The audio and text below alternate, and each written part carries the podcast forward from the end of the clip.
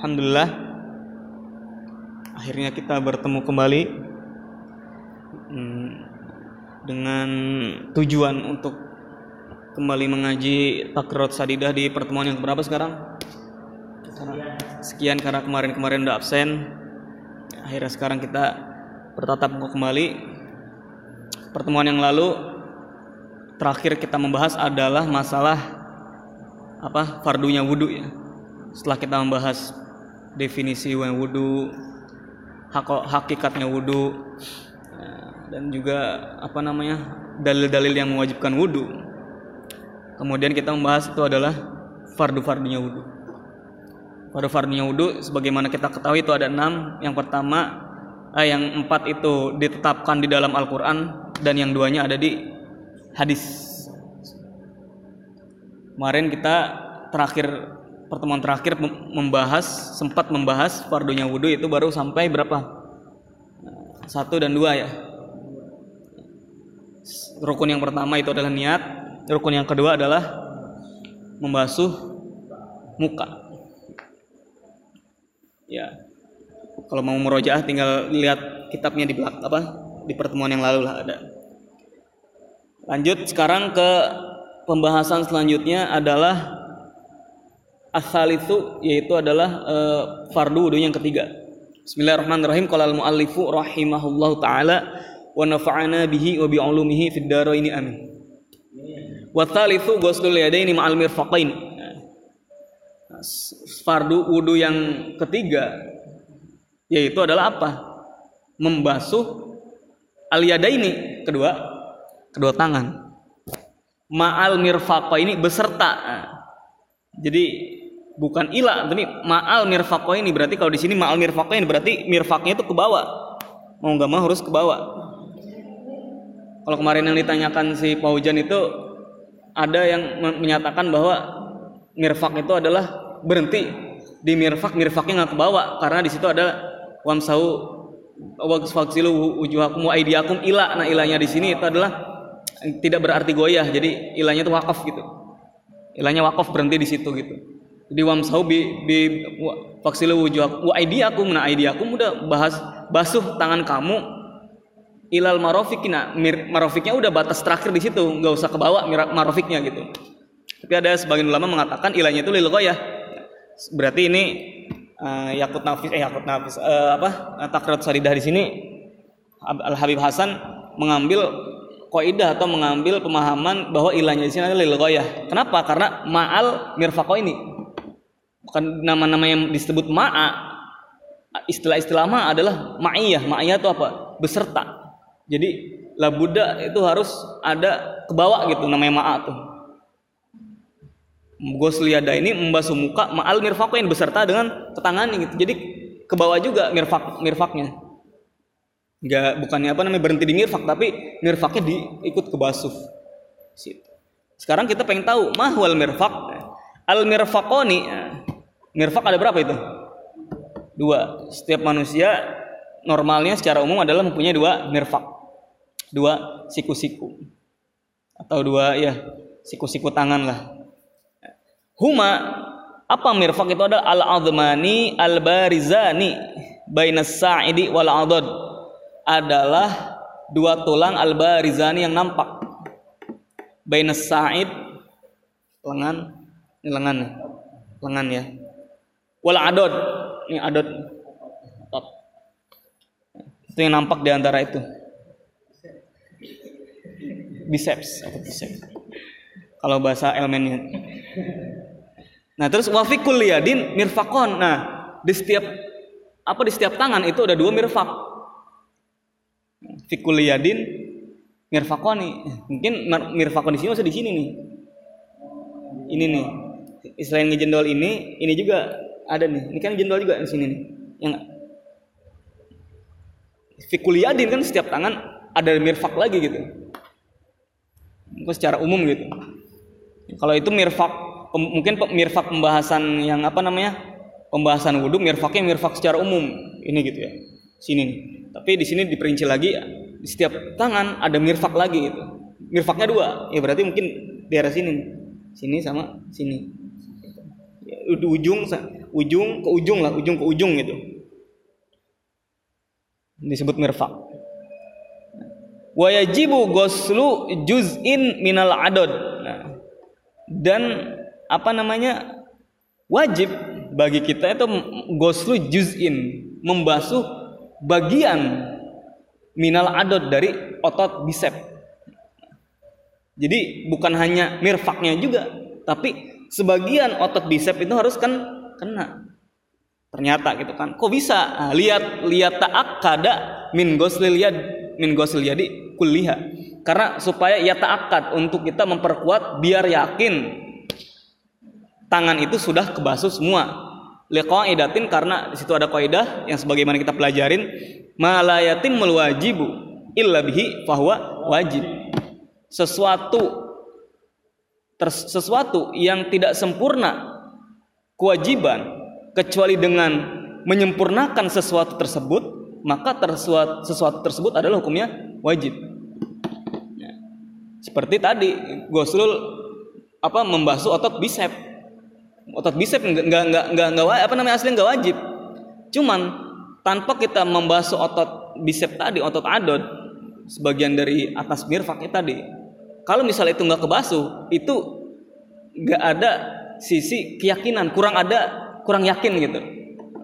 Kurang yakin bah, apa kalau misalnya tangan itu kebasuh semua. Makanya meskipun dia nggak wajib karena untuk menyempurnakan kewajiban yang lain sesuatu yang tadinya asli yang nggak wajib jadi wajib. Yaitu adalah apa? Membasuh otot bisep sebagian otot bisep itu adalah uh, membasuh sebagian eh membasuh mirfak paham ya? Salif sekarang ar-rabi' Rukun atau fardu wudhu yang keempat. Itu adalah mashu ba'di ba'din mashu ba'din min basyaratir ra'si au sya'rihi. Adalah membasuh sebagian kulit kepala. Au sya'ri atau rambut kepala. Kulit kepala. Yang disebut kepala mana? Nih kepala nih yang numbu-numbu rambut itu namanya kulit kepala. Jadi kalau botak botak lenang. Ya, kalau botak lenang itu udah langsung kulit itu, nggak nggak ada rambutnya lagi malah langsung. Jadi nggak ada aunya dia. Oh aunya hilang, basyaratir roksi doang gitu. Tapi kalau ada yang ada rambutnya, kayak kita kan ada rambutnya nih, berarti bisa mau langsung ke kulit langsung bisa gitu kan, atau di basyaratir roksi juga bisa. Nah, fayakfi walau ba'do sya'ratin maka cukup meskipun membasuh sebagian rambut. Nah. Wa syartu sya'ri Nah, kita ngebahasin dulu ya sya'ratin. Sebagian, nah sebagian ulama itu kan ba'd. Aqalu ba'd tuh berapa sebagian kan? Minimalnya sebagian tuh berapa biji? Eh? Kan sebagian umat muslimin. Berapa sebagian itu? Sebagian santri atawazun pergi ke pasar Nah, sebagian itu berapa tuh? Banyak kan? Apakah setengahnya? Apakah seperempatnya? Atau banyak itu apa? Ada standarisasinya bahasa juga kan? Sebagian mungkin yang pasti nggak semua kan sebagian doang. Sebagian umat Muslim ada yang masuk neraka. Sebagian semuanya bukan. Nah sebagian itu berapa? Apakah 100, 200, 5000? Nah, nggak tahu kan? yang penting kita kata sebagian ini adalah tidak mencakup keseluruhan. Nah, dalam kaidah e, bahasa, kaidah lughah itu ulama banyak menafsiri aqallu ba'din itu adalah minimal sebagian itu adalah salasa. Jadi bisa disebut paling sedikit ya, paling sedikit sebagian itu adalah tiga biji. Berarti aqallu apa namanya? Salah salah tuh sya'arat, tiga helai rambut sini tuh. Jadi ente membasuh, kalian membasuh uh, apa namanya? Membasuh tiga helai rambut aja itu cukup untuk apa namanya? Untuk mem, membuat wudhu itu membuat wudhu itu hukumnya sah. Dalam madhab syafi'i tentunya. Soalnya kalau dalam madhab maliki, madhab hanafi beda lagi urusannya. Madhab maliki harus jami'ur ros, jami'ul syar, jami'ur ros. Kalau Abu Hanifah madhabnya nis nisfu ras. Nisfu apa nisfu segini aja. Tapi kita boleh nggak kita membasuh semuanya? Boleh. Karena itu sun sunnah. Yang wajib salah sya'arat, yang wajib tiga helai rambut. Nah, sunnah disunahkan kulu rosin disunahkan membasuh semua rambut. Nah di situ adalah makanya di situ ada khilaf apa uh, ada adalah sebuah solusi uh, al khuruj minal khilaf mustahab. Jadi keluar dari khilaf yaitu perkhilafan antara madhab maliki dan madhab syafi'i yaitu adalah adalah mustahab. Soalnya kalau kita membasuh membasuh semua roos itu nggak ada yang dirugikan gitu, maksudnya nggak ada yang bertentangan gitu. Menurut Syafi'i Imam Syafi'i sah, menurut Madhab Maliki ya sah gitu kan. Nah, terus ya, fayakfi walau maka cukup membasuh apa namanya membasuh kepala ini walau ba'da walau walau ba'da sya'rit walau ba'da sya'ratin meskipun hanya sebagian rambut. Nah, sebagian rambut itu tadi adalah minimalnya adalah tiga helai. Sekarang wasyartu sya'ri alladhi yasihul mashu alaih. Nah, sekarang rambut yang kayak gimana sih yang bisa membuat wudhu itu sah? Jadi soalnya nggak semua rambut itu sah. Kalau dibasuh itu ada syarat rambut itu bisa sah ketika dibasuh wudhunya. Apa apa namanya kriteria rambut yang seperti apa yang masuk kategori yang bisa diwuduin gitu? yang membuat wudhu kita sah itu adalah an la yakhruja bil maddi an haddi min jihati nuzulihi. Jadi sekiranya rambut tersebut adalah ketika ya Allah yakhruja tidak keluar dari batasan rambut. Ketika di apa bil maddi ketika rambut itu dibentangkan ya. Kira-kira kalau rambut itu dibentangkan maksudnya rambut panjang misalnya ya kan dibentangkan tuh. Ini rambut petang lah gitu. Kan ada orang rambut diikatkan gitu kan. Nah itu namanya apa namanya tajaat mutajaat. Nah itu namanya kalau mutajaat kalau ngebasuh yang ini ya mutajaat tuh yang apa namanya yang dikuncirnya tuh. Sah nggak udunya tuh? Nggak sah. Soalnya ketika bil madi anhu ketika dibentangkan itu apa namanya airnya tuh tidak masuk ke basyarah terus nggak masuk ke kulit kepala. Jadi jatuhnya rambut itu jatuhnya apa air jat, apa jatuhnya air yang jatuh air ke rambut itu tidak masuk ke pori-pori kepala tapi ya keluar gitu. Karena kenapa? Rambut ini rambutnya tadi itu tidak dalam haduros, tidak dalam batasan kepala. Udah di luar area kepala. Nah, makanya kalau orang rambutnya panjang, gitu ya ya di sini aja ngebasuhnya, jangan di sini atau di sini gitu rambutnya panjang misalnya sepantat gitu ya kayak Gus Muafik misalnya itu yang dibasuh misalnya pas dulu gini doang gitu atau perempuan gak sah soalnya itu adalah yakhruj an hadiros menjadi nuzulihi kan? Nah, itu adalah apa namanya kriteria kriteria rambut yang sah untuk ini apa sah untuk di diwuduin gitu. Itu adalah uh, yang keempat fardu fardunya wudhu paham? Ada sekalian uh, lanjut ke rukun selanjutnya fardu selanjutnya adalah ghuslu rijlaini ma'al ka'baini. Yang kelima, fardu yang kelima itu adalah membasuh rijlain dua kaki, kedua kaki. Ma'al ka'baini beserta kedua mata kaki. Mata kaki batasan mata kaki. Sama mata kaki itu koidahnya sama kayak mirfak. Mata kaki nih apakah mentok di sini aja? Apakah dilebihin? Sampai ke sak sampai ke apa? Betis sedikit sama kayak tadi. Lebihnya dikit segini gitu kan. Melebihin mata kaki segini itu kalau biar malayatim wajib lebih fawa wajib. Wahuma al azbani ya, apa sih yang disebut yang disebut dengan kaab? Ka'ban dua mata kaki adalah huma al azmani al barizan adalah dua tulang yang nempa nongol yang nampak bainal kodami wasaki di antara kodam nih kodam nih ya. Kodam kodam wasak nih sak antara sak sama kodam rijel itu kaki semuanya. Rijel ini asli rijel ini.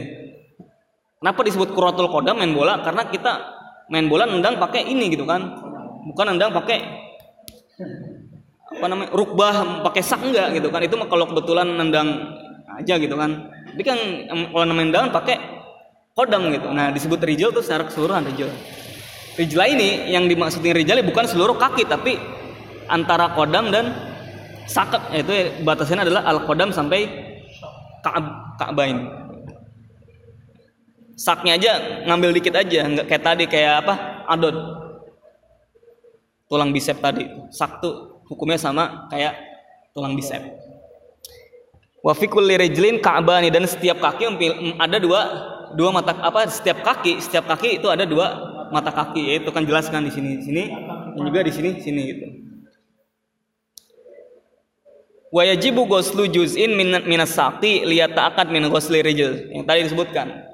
Dan wajib kita itu apa membasuh sebagian dari area sak area apa namanya area betis. Lihat akad min ghuslir rijli supaya kita benar-benar yakin udah membasuh kaki kulliha secara menyeluruh liqaidatin karena sesuai kaidah ma la yatimul wajibu illa bi wajib jelas itu ya sama kayak uh, mirfak.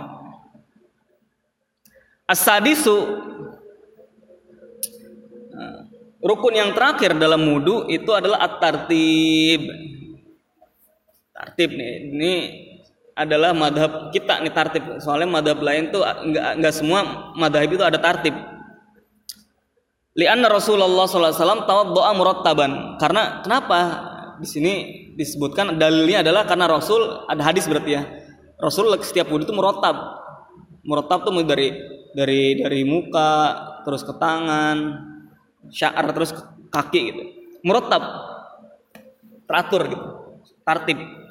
Wa qala al-Imam Syafi'i inna Allah dzakara al-mamsuha bainal maghsulain wa dzalika linuqtatit tartib. Nah, Allah itu apa kata Imam Syafi'i ya, Imam Syafi'i kan ya salah imam kita tuh beliau tuh salah satu ahli bahasa jadi bukan ahli fikih, ahli itu sebelum jadi ahli fikih beliau tuh jadi ahli bahasa. Beliau tuh ahli bahasa, ahli taubib gitu Imam Syafi'i ya.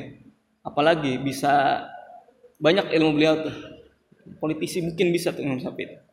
Tapi yang paling ketara tuh beliau sebelum jadi ahli fuqaha, beliau tuh adalah lugawi, orang ahli bahasa. Nah, jadi kalau ada bahasa tuh peka banget gitu. Emang Arabnya tuh Arab Arabnya tuh Arab Arab kental gitu Soalnya beliau belajar ininya, belajar bahasanya itu bukan sama guru-guru biasa, sama orang Badui langsung. Orang Badui kan bahasanya masih masih belum terkontaminasi sama kehidupan kota. Masih di beliau apa namanya kobilah ini dia pelajarin. Setiap berapa kobilah tuh? Kobilah kan Arab kan banyak kobilahnya nah setiap kobilah punya ciri khas masing-masing. Dan ciri khas itu masih murni gitu.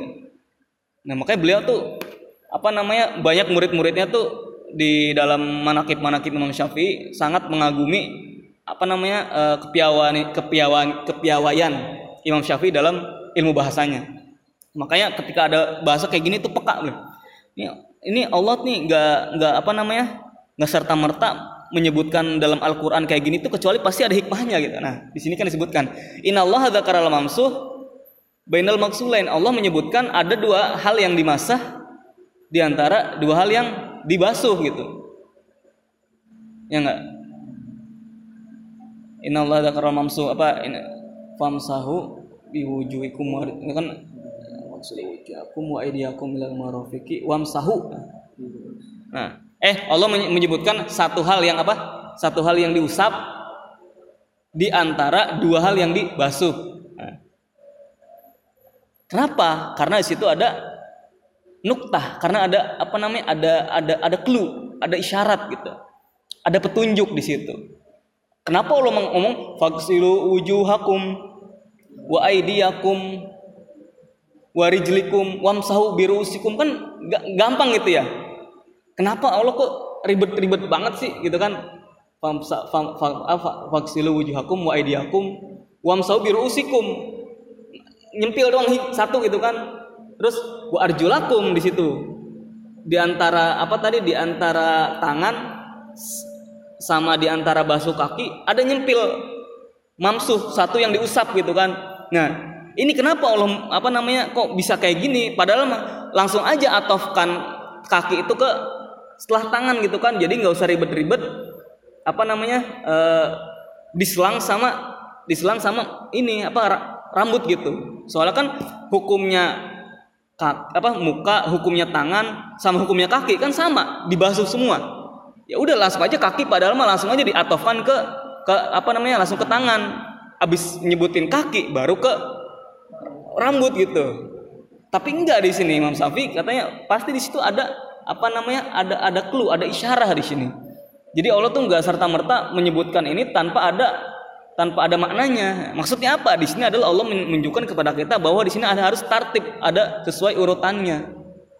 Ya meskipun kaki itu adalah dibasuh tapi tetap membasuhnya adalah setelah melakukan setelah mengusap rambut gitu. Nuktahnya tuh di situ. Nuktah atau apa tadi? Isyaratnya atau uh, petunjuknya. Wadalika linuk linuk tatib tartib di sini ada uh, poin pentingnya itu adalah tartib. Tartib. Paham ya? Itu ada tartib. Mas'alatun fit masuk tartib wajibun fi kulli wudu'in illa fi mas'alatin wahidah. Fama hiya ida in ah ini penting nih menurut sakota wujub tertib wa huwal mu'tamad inda wa anna tertib yasulu fil lahdatin latifah la tudrakul bil his wa in rafi la budda minal mukti zamanan yumkinu fi takdir tertib ah gini ada masalah tentang tertib jadi teka-teki. Kita wudhu kalau di kocoran atau di apa namanya di bak mandi itu gampang kalau tertib membuat tartib gampang itu bikin wudhu tartib gampang. Tapi kalau kalian mau wudhu di kolam renang jebyur gitu atau di sungai niat wudhu langsung jebyur gimana wudhunya? Sah nggak? Saya mau wudhu udah mau wudhu ah buru-buru ah jebur gitu. Ya kan udah kebasuh muka kebasuh tangan kebasuh rambut apalagi kan kaki juga kebasuh gitu. Nah itu apa namanya? Kira-kira sah nggak tuh? Wudhunya kayak gitu. Bener. Ini emang semuanya kebasuh, cuman ada tartib nggak di situ? Nah, di sini sebutkan masalah.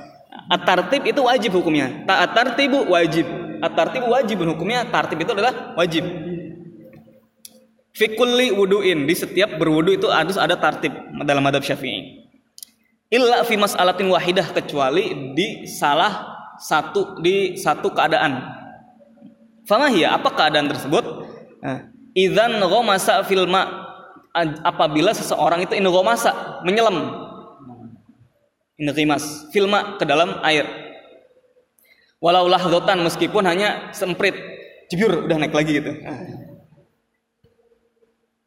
Wanawal wudu'a wa huwa munukomis dan dia pas gitu biur saya niat wudhu fardu. Biur kan saya niat menghilangkan wudhu eh menghilangkan menghilangkan hadas. Langsung sebentar doang. Biar langsung angkat lagi.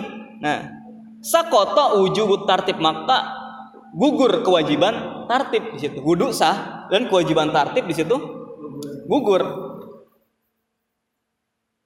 Wahwa al mu'tamad ingdan nawawi karena di, uh, di sini menurut imam imam nawawi. Imam nawawi adalah uh, berarti kontroversinya adalah sama imam Rafi kalau ibnu hajar sama imam romli itu di bawahnya lagi di bawahnya Imam Nawawi kalau Ibnu Hajar Imam Romli. Kalau Rafi di apa Rafi Nawawi di atasnya zaman di atasnya. Menurut Imam Nawawi itu nggak apa-apa sah katanya.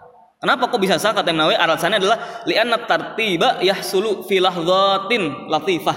Karena apa namanya uh, fardunya tartib meskipun dia apa namanya meskipun dia inggimas meskipun dia nyelam itu yahsul terjadi atau apa namanya terrealisasi dalam sepersecond waktu gitu sepersekian detik loh tanpa diketahui oleh mata gitu kan. Jadi mata tuh nggak bisa ngelihat tingkat kefarduan tingkat tartibnya di situ. Jadi sebenarnya itu udah tartib cuman nggak kasat mata aja gitu. Cuman mata tuh nggak bisa nggak bisa apa namanya nggak bisa memilah-milah sebenarnya yahsul tartib kata Imam Nawawi gitu. Latu droku bilhis yang tidak bisa diketahui oleh panca indera kasat mata nggak bisa kelihatan. Makanya ketika inggimas jemur gitu dia wudhu ya sah aja kata Imam Nawawi. Ketika dia nyelam ke air niat wudhu meskipun sedetik atau dua detik langsung angkat lagi wudhunya sah.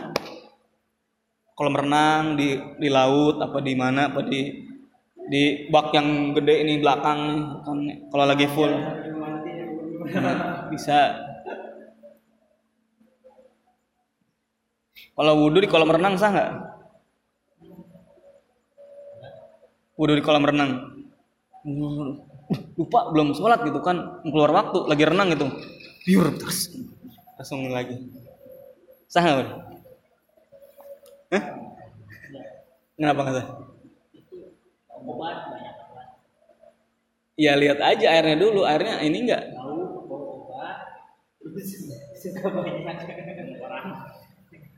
Lihat, makanya. Ketika airnya itu apa namanya? Ya tadi ke hukum yang awal ke hukum alma. Kalau airnya meskipun dia kan dua kulah pasti ya.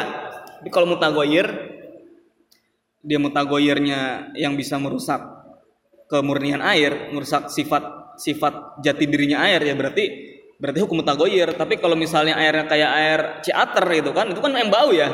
Cuman baunya kan bau alami itu makor sama mamar itu.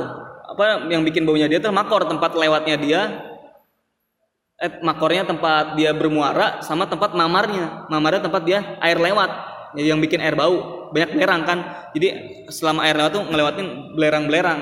Pas keluar ke kolam renang ibu belerang. Karena tempat lewatnya gitu. Tempat yang dia lewatin airnya gitu kan. Yang dari dari asalnya gitu dari alamnya.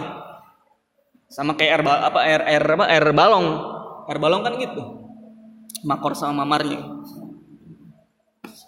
Selama tidak ada kecampuran dengan sesuatu yang suci yang bisa merubah jati diri air yang nggak masalah gitu kan. Sah-sah aja sholatnya. Eh apa wudhunya. Nah. Terus wa indar rafi'i la budda minal mukfi zamanan yumkinu fihi takdirut tartib. Nah, kalau kata Imam siapa? Kalau kata Imam Rafi, eh nggak bisa gitu. Boleh sah-sah aja tapi dengan syarat dia harus jangan buru-buru. Ini ya. Kan kalau kata Imam Nawawi ya, kejebyur sedetik dua detik angkat beres gitu atau sedetik langsung angkat beres gitu. Karena yahsulu tartib tuh yahsul gitu kata Imam Nawawi. Tapi kalau kata Imam Rafi nggak bisa. Ente harus diem dulu di air kira-kira uh, tartib tuh dapat gitu kan. Kira-kira ada ya mungkin ya lima detik atau 10 detik gitu. Kira-kira tartib tuh ada gitu. Wah ini udah kena muka nih kena tangan kena kaki kena tangan kena rambut kena kaki angkat. Di apa dikira-kira kalau kata Imam Rafi'i ya semuanya sebenarnya sama cuman masalah waktu aja kalau kata yang Nawawi adalah yahsulu bilah dotin wa lahdotin latifah. Ya maksudnya dengan se, se apa namanya sekejap juga sah. Tapi kalau Imam Rafi harus di, dikira-kira. Nggak bisa sekejap harus dikira-kira kalau tartib itu yahsul gitu. Itu adalah uh, teka-teki atau beberapa apa satu masalah dalam tartib ingimas dalam masalah ingimas. Dah